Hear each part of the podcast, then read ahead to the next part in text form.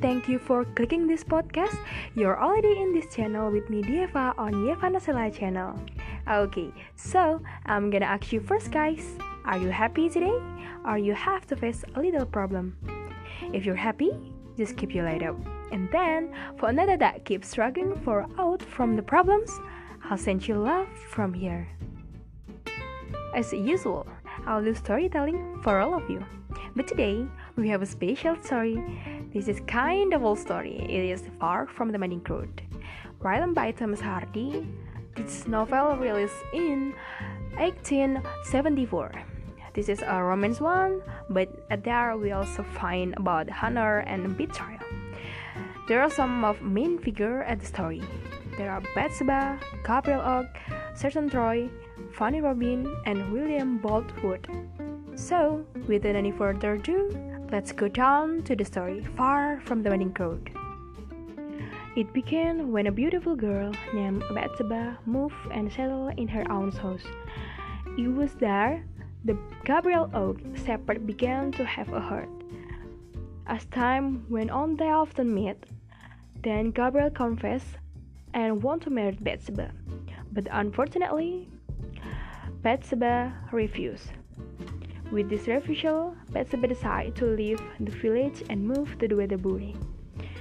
After the Gabriel Oak, who had no land because he was in debt, intended to looking for a job. When he looking for a job, he was comforted by a fire on the farm and then he tried to help it. Turned out that the farmer child was Bathsheba, who had inherited his uncle's recent fortune. Although Bathsheba was not so comfortable with him, she employing Oak. Then, a rich farmer also fell in love with Bathsheba after the beautiful girl casually sent a Valentine letter with the word "Marry me." When the rich farmer William Boldwood confessed his feeling and intended to marry her, Bathsheba refused on the pretext of not intending to. Then there was a sergeant named Troy who came to the village bravely, and Bathsheba was hooked. Then, without realizing it, he was only used as a pet by Troy until they were married and Bathsheba realized that Troy was a poor gambler who still loved his former servant Fanny Robin. In the end, after waiting for a long time, the Oak managed to make Bathsheba melt and realized that Gabriel Oak was always there beside her. Even after that, they got married in secret.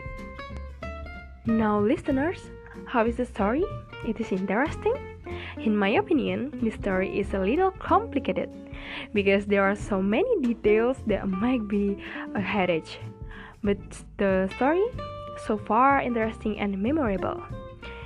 Finally, we arrive at the end of this event. Thank you for listening this podcast. I'm Dieva. See you.